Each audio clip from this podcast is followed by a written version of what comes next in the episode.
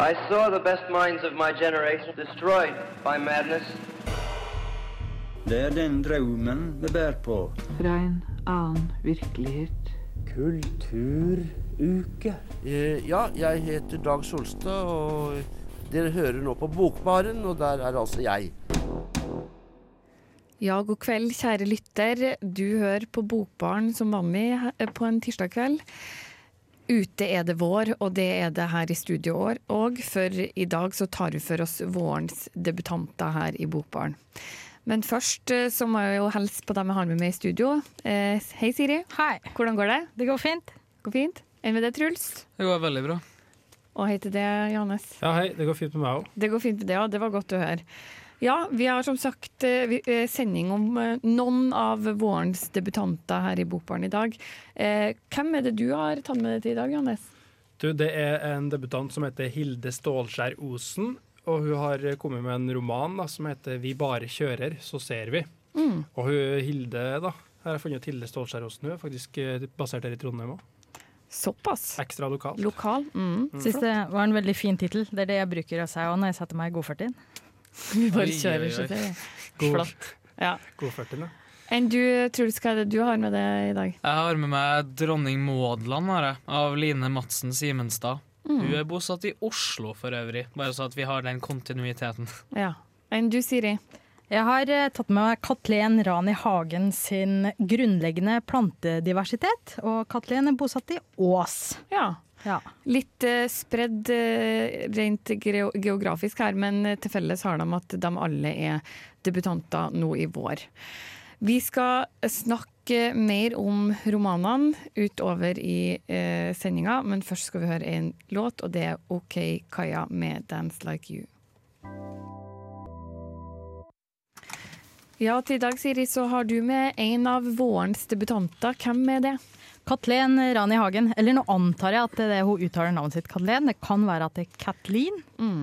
Eh, Jeg tror hun er eh, ikke Eller har et eh, opphav i tillegg til det norske opphavet sitt, da, hvis det var en veldig keitete måte å se si på. Trå forsiktig, Siri. Ja, trå. tror, men, eh, men eh, hun er eh, Jeg tror ikke egentlig hun er så veldig ukjent for folk som kanskje har fælt litt sånn litteraturblogg-Norge. For hun driver sin egen blogg. For hun er eh, Hun studerer vel botanikk sjøl, Katlen da i Ås. Og driver en, en blogg der hun skriver litt om litteraturen hun leser, og så, og så nevner noen planter innimellom, da. Men denne boka er jo full av planter. Eh, og Den eh, handler kort og godt om at eh, det er da en introvert og betenksom botanikkstudent som på en hagefest i Ås treffer da briten Peter, som sier 'We are going to be together'. Og da et forhold eller en involvering følger, da. Fullt av sex, øl, latter og planter. Eh, så det er, eh, det er rett og slett en forelskelse satt til vårtida, da. Så vi følger hun botanikkstudenten fram i eksamensforberedelsen og på feltkurs og i, i det her forholdet til han Peter, da. Eh, og det vil jeg bare si, for det eh, Vaskelappen holder det den lover denne gangen her. Det er jo ikke alltid den gjør det på debutanter, syns jeg. Men, eh, men den gjør det denne gangen. Og for der står det at grunnleggende plantediversitet er en roman om det som gror, om en altoverskyggende forelskelse, om vanskeligheten med å finne de rette ordene.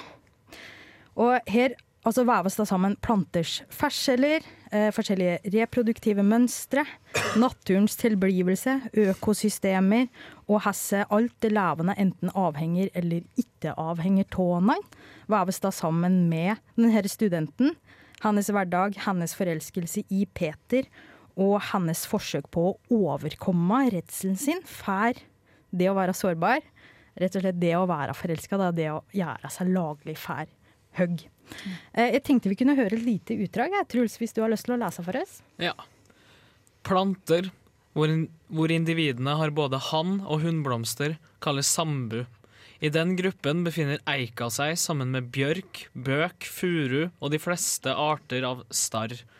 Virginia Woolf skrev om en eik i Orlando, men mens eika hele tida består av to kjønn på én gang, er Orlando først en kvinne før hun blir en mann.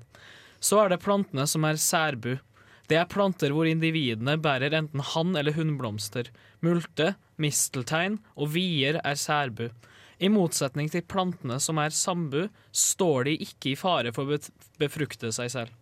Men plantene som er sambu, har måter å unngå selvbefruktning på. En av dem er å la hannblomstene blomstre først, for så å la hunnblomstene blomstre når hannblomstene har visnet. Det motsatte av hva som hendte med Orlando.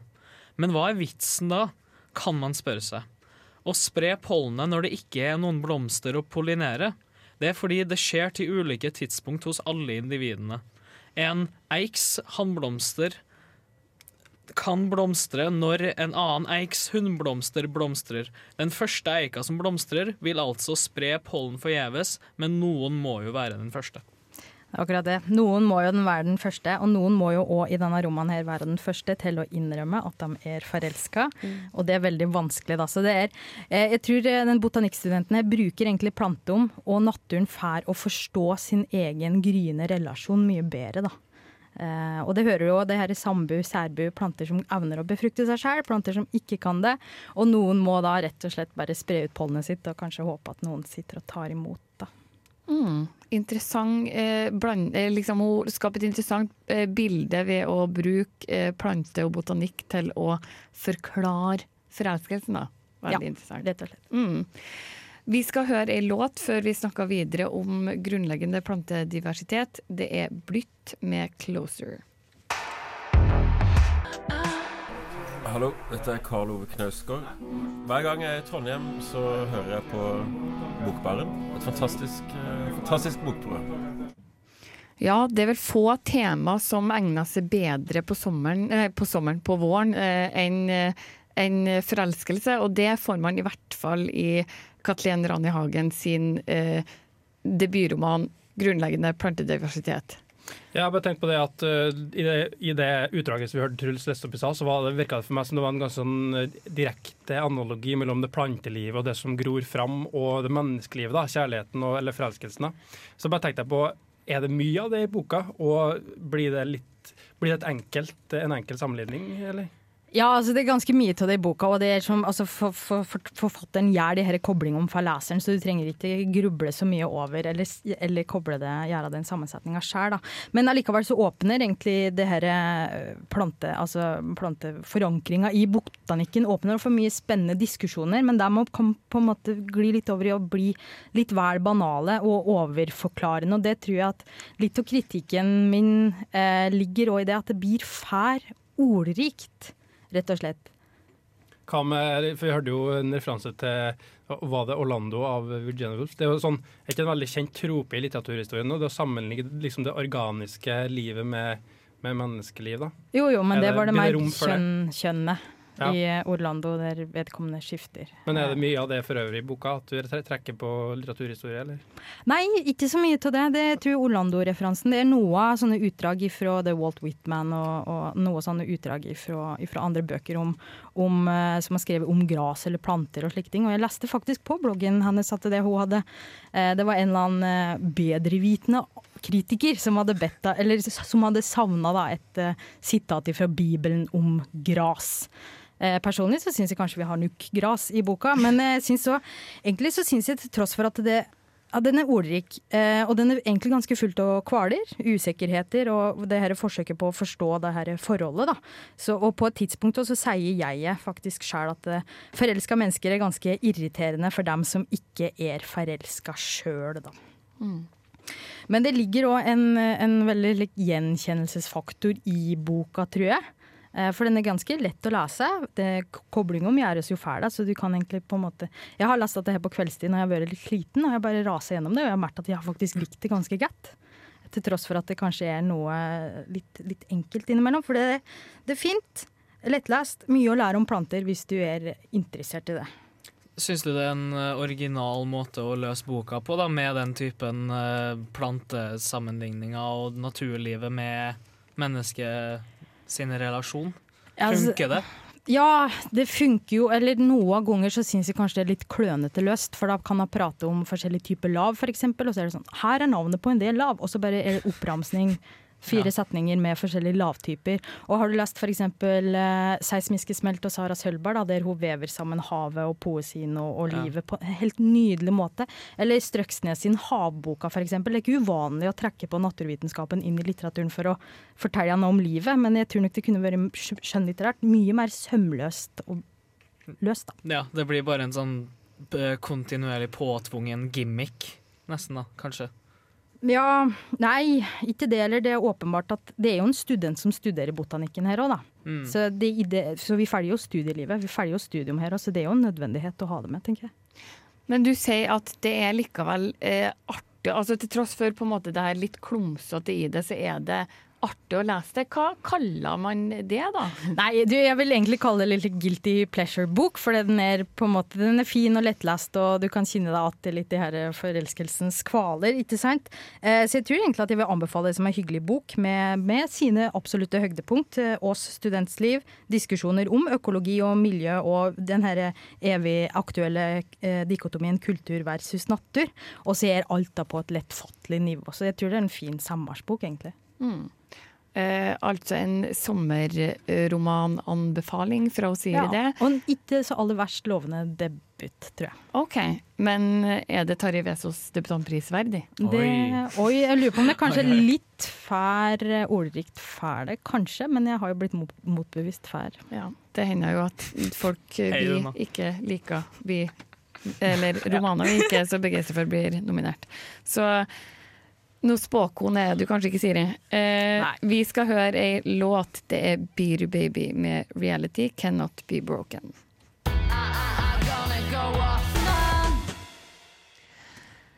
Ja, en annen av vårens debutanter, det er Hilde Stålkjær Olsen. Johannes, hun har du lest til i dag. Osen, ja. Mm. Hun er født i 1978 og utdanna regissør ved dokumentarlinja på Den danske filmskole. kan jeg fortelle. Mm. Og hun er da basert, skribent og forfatter basert her i Trondheim. eh, gitt ut noen kortfilmer før. Og hun har også fått eh, tekster eh, antatt i antologien 'Signaler', som er Cappelen Dan sin liksom, ja, hva skal man si, utgivelse for uut, tidligere uutgitte forfattere. da. Mm. Så jeg har da laga en anmeldelse av 'Vi bare kjører, så ser vi', som er hennes eh, første roman. Det var egentlig en roman jeg likte ganske godt. Og det er flere her som liker bilkjøring og bygdetematikk, Siri. Ja da. Så det er kanskje noe som flere Kanskje fra bygda kan kjenne seg igjen i, og komme fra bygda og flytte til byen. Ja, jeg er spent på hva du syns om eh, romanen, Johannes, og den anmeldelsen hører vi nå. Vi bare kjører, så ser vi. En roman om ei ung kvinne som prøver å finne ut hvem hun er. En sånn oppsummering kan høres enkel og generell ut, men forfatter Hilde Stålskjær Osen har klart å inkludere flere interessante problemstillinger i boka. Stålskjær Osen har dessuten et enkelt og effektivt språk, og har gitt fortellinga en sikker og velfungerende form. I romanen møter vi en navnløs kvinnelig jeg-forteller som er i begynnelsen av 20-åra. Hun har flytta fra heimbygda og til et lite tettsted på den andre sida av fjorden. Der arbeider hun som resepsjonist på et hotell, og ellers tilbringer hun tida med kjæresten Jørn og barndomsvenninna Miriam. Stedet som beskrives, er et gjennomsnittlig norsk tettsted. Her finnes det industri, en Shell-stasjon, matbutikk, en pub og ei kai hvor Hurtigruten legger til hver dag. Ellers er det ikke så mye der. Og det er i sammenheng med det her at bokas viktigste tema trer fram. Mens Jørn, Miriam og de andre i bygda ser ut til å føle at stedet har alt de ønsker seg, begynner jeg-fortelleren å føle på at livet kanskje kan ha andre ting å by på enn skoleboller fra Skjell og råning rundt i bygda. Sjøl om jeg-fortelleren gjerne vil være forelska i kjæresten Jørn, kommer det tydelig fram at de er nokså ulike personer, og at de ikke bestandig ser hverandre så godt. Vi står ved gelenderet og holder oss fast. Sjøen er svart der nede, den ser hard ut. Jeg stiller meg tettere inntil Jørn. Han drar kappen sin lenger ned i panna. Si noe, sier jeg. Hva skal jeg si, sier han. Hva som helst, sier jeg. Hva som helst, sier han. Så ler han. Hva vil du jeg skal si, da? Har vi det ikke fint som vi har det? På lignende vis er det med forholdet til venninna Miriam. Selv om de er gode venner og har vært det hele livet, utvikler de ulike interesser. Mens jeg-fortelleren er følsom, grublende og interessert i litteratur, er Miriam humørfylt, glad i å se på TV og synes at venninna gjør ting for komplisert. Livet er egentlig enkelt, sier Miriam. Tematisk favner romanen ganske bredt. Det handler om kjærlighet, vennskap og hverdagsliv på bygda i Norge, men aller viktigst er temaene identitetsdannelse, det å føle seg annerledes og drømmen om noe annet.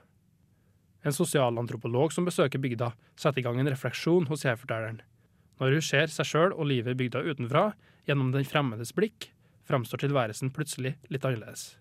Hurtigruta ligger til kai én time før den seiler videre. Noen få turister går en liten tur i gågata. De kommer ned igjen i god tid før båten går. Vi som bor her kan gjøre det motsatte, gå om bord den timen Hurtigruta ligger til kai, kjøpe en kaffe på øverste dekk. Der oppe fra er hotellet en hvit firkant midt i gågata. Jeg ser for meg hotellet innenfra også, jeg kjenner hver krok der, hvert rom. Så mange fremmede som kom i dag, sier Miriam, så mange å se på. Med det samme slår en tanke ned i meg. Kanskje sosialantropologen er her, står ved veggen inne på kaia og observerer oss, ser at det å se på Hurtigruta, som kommer og går, er noe vi bruker tiden vår på. På vei mot bilen kikker jeg etter henne. Hun er ikke der. Gjennom en fortellerteknikk som kombinerer episoder fra hverdagen og tilbakeblikk på livet og historien til jeg-fortelleren, tegner romanen opp et bilde av en ung kvinnes liv. Med nøkterne, men treffende miljøskildringer og presise framstillinga av jegets økende tvil og eksistensielle søken, klarer Stålskjær Osen å gi et fint portrett av hovedpersonen. Eksistensiell tvil er ikke lett å sette ord på, og det her får romanen fram i en samtale mellom jeg-fortelleren og kjæresten. Jeg er lei, sier jeg. Av hva da, spør han. Av å være meg, sier jeg. Eller av å ikke være meg. Vi bare kjører, så ser vi en fin liten roman som jeg fikk mye ut av å lese. Det er fortelling med narrativt driv som får sagt mye på kort tid. Jeg likte spesielt godt skildringa av den unge kvinnas følelse av å være litt annerledes, og av hennes forsøk på å finne ut hvem hun er. Jeg syns ikke det er noe vesentlig å utsette på denne romanen, den fungerer fint som den er. Men dersom jeg skulle ønske noe mer av den, så ville det vært at den rett og slett var mer omfangsrik og gikk enda lenger inn i problemstillingene den undersøker. Hilde Stålskjær Osen lykkes godt med sin debutroman, så vi får håpe at hun skriver flere. Hei, hei. Eh, Dette er Vigdis Hjort. Jeg liker navnet på denne radiokanalen, Radio Revolt. Hør på magasinet Bokbarn. Det å sitte på bar og lese bok, det er ikke det verste. Ja, eh, før eh, den fine introduksjonen fra Ovidis Hjort der, så hørte vi Tøffel med Nokia 105. Og vi skal fortsette eh, praten om eh, vårens debutanter her i Bokbaren. Eh, Johannes, du, du har gjort en anmeldelse før låta nå av Hilde Stålskjær Osen sin roman eh, Vi bare kjører, så ser vi. Vi bare kjører, så ser vi. Ja, stemmer det. Ja, eh, og det høres ut som du er ganske positivt innstilt til den nå. Ja, du, jeg, var, jeg er ganske positivt innstilt til den. Jeg likte den veldig godt. Det er en sånn ganske sånn eh, kortfatta roman på 97-98 sider, tror jeg. Men den, det er jo da til del litt noe som føles overflødig. Så den er sånn det er et ganske sånn enkelt og effektivt, som jeg vil kalle det i anmeldelser, eh, språk, Mm. Så fungerer veldig bra. Så sånn det, Jeg tror det er litt motsatt av det Siri snakka om i den boka du hadde med deg. At det er ikke, det er ikke så ordrikt, egentlig. Men det, det passer seg jo egentlig ganske bra til den fortellinga som er. Det er jo en jeg-forteller, så det er jo hennes opplevelse av sitt liv og virkeligheten. Mm. Mm. Ja, hadde du noe å utsi på den, da? Nei, altså Jeg har ikke så mye utsett på den, men eh, det er det at jeg lurer på Når man kommer over noe som man synes er bra gjort, som er på en måte sikkert og trygt utført, da, enten en roman eller en novelle eller hva det er, så, så lurer jeg på sånn Kan man forvente eller håpe er det, er det en legitim kritikk på en måte å si at man skulle ønske at det var mer? Som jeg sa i anmeldelsen, er at det eneste jeg kunne ønske meg, var at var, boka var mer omfangsrik. Da. Jeg kan kanskje prøve å presisere hva jeg mener med det. at uh, vi får på en måte framstilling av jeg-fortelleren i boka her sine følelser av å på en måte være en outsider i bygda, da, skulle ønske seg noe mer. Men uh, jeg vet ikke hva jeg skal si det. Det kommer ikke så mye lenger, da. Det kommer ikke så til noe forløsning. Men du er en uh, liten bygdegut, bygdegutt sjæl, Johannes. Stemmer det. Ja, lik, Likte du bygda i boka? Det gjør jeg absolutt. For det som er en veldig kvalitet med boka, her er at den, eh, at den evner å fremstille hun som er outsideren, som jeg sa, og som ønsker seg bort, uten å fremstille dem som er i bygda, og bygda sjøl, som på en måte er karikert, eller som noe dumme folk som ikke skjønner at de burde interessere seg for mer. Det handler bare om at de ser livet litt forskjellig og har litt andre interesser. Ja, for det er jo feller det er veldig lett å, å gå i når man prater om på en måte dikotomier på den måten som det fort kan bli, da, i hvert fall hvis man føler seg som litt sånn utskudd i, i et bygdemiljø. Men det har hun altså klart å unngå godt, høres det ut som. Mm. Når du sier at du vil at boka gjerne skulle vært mer omfangsrik, er det innafor liksom menneskelige relasjoner og følelsesaspekter, eller hva er det du mener? egentlig? Ja, godt spørsmål. Det, det, jeg tror svaret grovt oppsummert er ja. For det, er sånn, det føles kanskje også som det er noen få løse tråder i boka, selv om de trådene er der av en grunn, på en måte. Blant da, eh, faren til hun jenta som forteller, han er død. Så det, Han døde da hun var liten, så det kommer litt inn på at hun antageligvis har hatt det litt vanskelig i barndommen, kanskje da, og faren var bortreist på sjøen før han døde. da. Men at det kanskje kunne ha vært nøsta opp mer av det, og sammen med forholdet til mormora, som, øh, som hun har et nært forhold til, for så vidt, men som blir syk og blir innlagt på, på først sykehus og gamlehjem. da. Eh, Som på en måte også gjør livet hennes kanskje mer stressa, og mer at hun får den her eksistensielle tvilen og krisa, men kanskje bare utbrodert mer om det, føler jeg. Ja, så det er sånn, det er sånn dramatiske Det som virker som slags eh, virkemiddel i starten, som skal liksom utvikle seg og ende i noe, men de gjør ikke det, rett og slett. Nei, det er vel ikke at de gjør det, men det, det er litt vanskelig å kreve mer av boka. For det er kanskje styrken av boka at den er litt sånn, den sparer litt på kruttet. da, for at, øh, fordi at øh, Jeg er ganske enig med han øh, anmelderen i, i, i Adresseavisa, han Fartein Horgard, han heter, Ja. som skrev at denne boka er det som var veldig bra, men uh, kommenterte han at selv om den er bok om liksom, ungdom og identitet og lengsel, så er den fri for klisjeer. Den på en måte spiller ikke på det tradisjonelle. da. Mm. Så, Så jevnt over. Men det er jevnt over en god debut, vil du si? eller? Ja, det vil jeg absolutt si. Ja. Mm. Jeg likte, Eh, jeg likte den veldig godt. Ja. Vi eh, runder av diskusjonen om Hilde Ståskjær Olsen sin, Osen sin eh, debutroman der. Og så skal vi høre i låt 'Syden med godt Nothing'. Ja, helt i begynnelsen av sendinga så var jeg så uheldig at jeg sa at det var tre debutromaner vi skulle ta for oss i dag. Men den debuten du har tatt for deg til i dag, eh, Truls, som er skrevet av Line Madsen Simenstad, det er ikke en roman, er det vel? Nei, og først og fremst så er jeg jo ganske vant til å bli neglisjert, så det jo, går helt fint. Jeg tilgir deg. Nei da, det er en eh, Det står at det er noveller, gjør det. Så det første tingen som jeg tenkte når jeg så om boka, her var det at det her er liksom sånn eh, novelletter, som det het for 200 år siden. Men Kielland. Kielland. Takk, takk, takk. Hater Kielland. Uansett, så Nei da, men eh, det her her er da altså noveller, og det er, hvis jeg ikke tar feil Unnskyld. Så er det fem noveller også. Eh, fire av dem er eh, ekstremt kort, mens den nummer tre, som heter 'Dronning Maud-land', som også boka heter for øvrig, den er på ca. 80 sider. Hele boka er på 128 sider ca. Den er da altså skrevet av Line Madsen Simenstad. Hun er journalist i Klassekampen og er født i 1985. Det er det eneste som står her.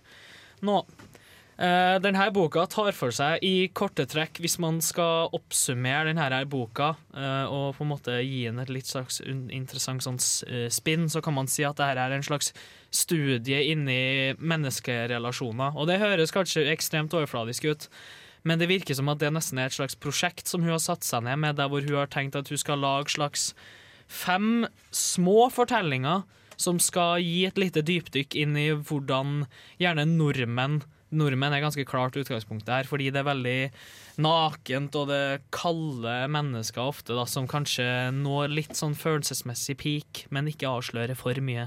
Så det er litt av det der, der da. I denne boka her så møter vi en far som holder på å ligge Han ligger på dødsleiet sitt, og døtrene hans velger ut eh, sanger i begravelsen hans. Vi møter ei som blir dumpa og sitter i en taxi, og så har en affære. Og vi møter ei dame som sliter med psyken sin og digger å bli tatt kvelertak på. Det er den ekstremt korte oppsummeringa av det. Um, jo da. Hovedfortellinga her, 'Dronning Maud-land', den handler om en mor som har eh, ikke innelåst, men eh, hun eh, lever tilværelsen sin i et hus med sønnen sin, og vil liksom eh, holde han vekk fra omverdenen så mye som overhodet mulig. Veldig beskyttende mor, sikkert uh, angstdrevet også. Um, og slik som alle de andre fortellingene her, så kulminerer det dessverre ikke i noe særlig. Og nå må jeg ta på meg jazzebrillene for å kritisere denne her greia, da. Fordi hvis man skal lage en, hvis man skal lage en samling eh, noveller som på en måte skal gi et dypdykk inn i menneskerelasjoner, slik som jeg nevnt, så må det da pina meg gå an å lage noe dypdykkende. Det er jeg syns ekstremt overfladisk, og det er på baksida så står det at det er et nakent og veldig nøkternt språk. Og det virker heller som en litt sånn slibrig innskyldning for at det her er bare veldig sånn uoriginalt og litt sånn platt språk, rett og slett. Det som jeg derimot kan gi hun, er at det, hun gir noen ganske bra observasjoner på menneskelig atferd og slikt. Men til syvende og sist så syns jeg at det her var egentlig ganske tamme greier, og ikke ga meg en veldig mye. Har du ikke lært noe nytt, Truls? Hva har Nei, jeg har lært eh, Nei, jeg har egentlig ikke lært noen ting nytt. Og jeg vet ikke om det liksom er skrytepave-pipelort-greier av meg å si, men jeg vet ikke. Men altså Jeg kan for øvrig si at den beste av de eh, fortellingene her er den nest siste, som heter Tsjernobyl-dyrene, for den er absurd og litt mer abstrakt, men ellers platt, hele boka. Så jevnt over ikke spesielt god karakter fra Truls på Dronning Maud-land av eh, Line Madsen Simenstad, kan man si. Vi skal høre ei låt uh, før vi oppsummerer uh, romanene vi, eh, debutene vi har lest i dag. Det er Nylenda med Ceti- Cetacean. Eh, hei, jeg heter Zishan Shakar. Du hører på Bokbarn på Radio Revolt. Ja, eh, fjorårets debutantprisvinner, det. Jeg vet ikke om eh, noen av romanene og eh, novellesamlingen vi har gått gjennom i dag, er, eh, eh, er potensielle eh, debutantprisvinnere. Kan du si det at godeste Osen her, da, som Johannes var så begeistret for, er vel litt for gammel? Litt for gammel. Mm. Ja, det er grense, fast grense på det, eller? 35. Da er hun altfor gammel. Hun er født i 1978, Ja. så da er hun 40 år. her. Mens både Madsen Simstad og Ranni Hagen er vel under 35, da. Mm. Men Siri, du prata om at eh, eh, det er romanen du har lest i dag av eh, Kathleen Rani Hagen, den er litt innafor det du vil kalle guilty pleasure-litteratur. Ja, eller jeg tror For meg så er det det, da. For det um, jeg, satt, jeg er ikke nødvendigvis så altfor glad i å lese veldig sånn plottbaserte romaner der jeg, der jeg blir forklart veldig mye, som gjør at det, det Jeg liker et godt fortolkningsrom. da. Jeg liker å aktivt bruke meg sjøl som leser og ta med min egen forståelseshorisont og mine perspektiver inn i er av det her koblingene. da. Jeg vil ikke bli fortalt at det er en eller, Vi vet jo alle at det er en jævla sammenheng mellom liksom, planter og livet, da. Men, eh, men, eh, eller alt liv. Men jeg vil ikke bli fortalt det til en forteller. Jeg vil egentlig gjøre den koblinga sjøl. Men Martin, når jeg leste det her, at jeg satte veldig pris på å bli litt sånn geleida og, og losa gjennom. Og jeg tror det handler veldig mye om hans sinnsstilling eller tilstand du er i når du leser litteratur, da.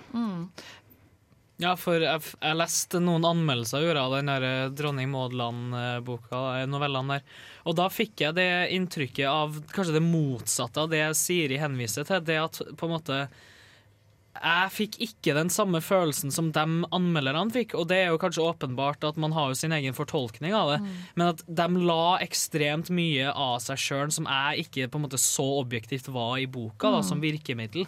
Så kanskje det var Siri som burde ha lest eh, 'Dronning Maud-land' til i dag. Ja, eller kanskje ha en sånn balanse, da. Det er det man bør stride mot. Jeg bare henger meg på den med stemning og hvilke forutsetninger vi har for å lese. her, for at Det er klart en kombinasjon av det håndverket vi finner i litteraturen, men det handler jo litt om eh, um, stil og stemning man er ute etter. Og- den boka som jeg har lest, da, vi bare kjører, så ser vi, det er sånn veldig gjenkjennbar for meg. da, sånn som du sa, Siri, jeg er jo en eh, klassisk bygdegutt sjøl, jeg. Eh, så, så som kommer fra bygda, og det handler jo den boka, eller det er hovedpersonen i boka her om, og så klart jeg kjenner meg igjen. Uh, ja, så det, det har jo mye å si, da. Men jeg tenker, altså det viktigste litteraturens viktig, altså for utenom å lære oss å gjøre oss bedre mennesker, da, så tenker jeg litteraturens viktigste funksjon er å underholde. Mm, og hvis du blir underholdt, da kan du jo få lov til å kalle det god litteratur, selv om kanskje kritikere ville sagt at det blir litt for enkelt, eller det blir litt for lett. Ja, for jeg tenker Av og til så vil man bare ha det man har bestilt. på en måte. Av og til så ønsker man en god, god eller middelmådig historie, eh, som man kanskje til og med kan forutse hvordan det går. Man vil bare ha det liksom servert, litt som en Hollywood-film. på en måte. Ja, jeg vil også si at den boka jeg har lest eh, er ganske underholdende, som, som du var inne på, Siri. Men, men det er ikke sånn i den boka her at, den på en måte, at du vet akkurat hva du får, at den ikke er original i spørsmålene den stiller. Jeg tror det er mer det som at spørsmålene er så kjent, på en måte. Det her med identitet og hvordan et ungt menneske skal Mm. finne seg sjøl, og, og hun der som kanskje begynner å lure på om hun lengter bort fra bygda og sånn. At det kanskje Det, det er løst på en original måte, for så vidt, men at det, at det føles ut som ja, gamle spørsmål. Jeg skjønner for så vidt ikke hvilke spørsmål som blir stilt i novellene jeg har tatt for meg. egentlig. Sånn. Jeg skal lese den, Truls, så kan jeg forklare det senere. Oi, oi, oi! Burn. Fy Nei, ja, men, det jeg, men jeg må si jeg Skal vi ta det utenfor, ja, vi skal eller? ta det utenfor. Nei, men jeg elsker jo en god slakt, og så tenker jeg når du slakter den såpass kraftig, så må jeg jo Jeg må fuckings lese den, da. Men jeg tenker det er Jensen som kan slå den slakten som Truls skal i her i Bokbaren, det er jo du, Siri. Så, Ja, sant det. så hvis kjenner- eh, Kjenner vi oss Siri rett, så kan hun virkelig slakte det hun kommer over. Hvis hun ønsker det. Ja. Vi skal høre låt Mats Wawa med 'Easy On The Eye'.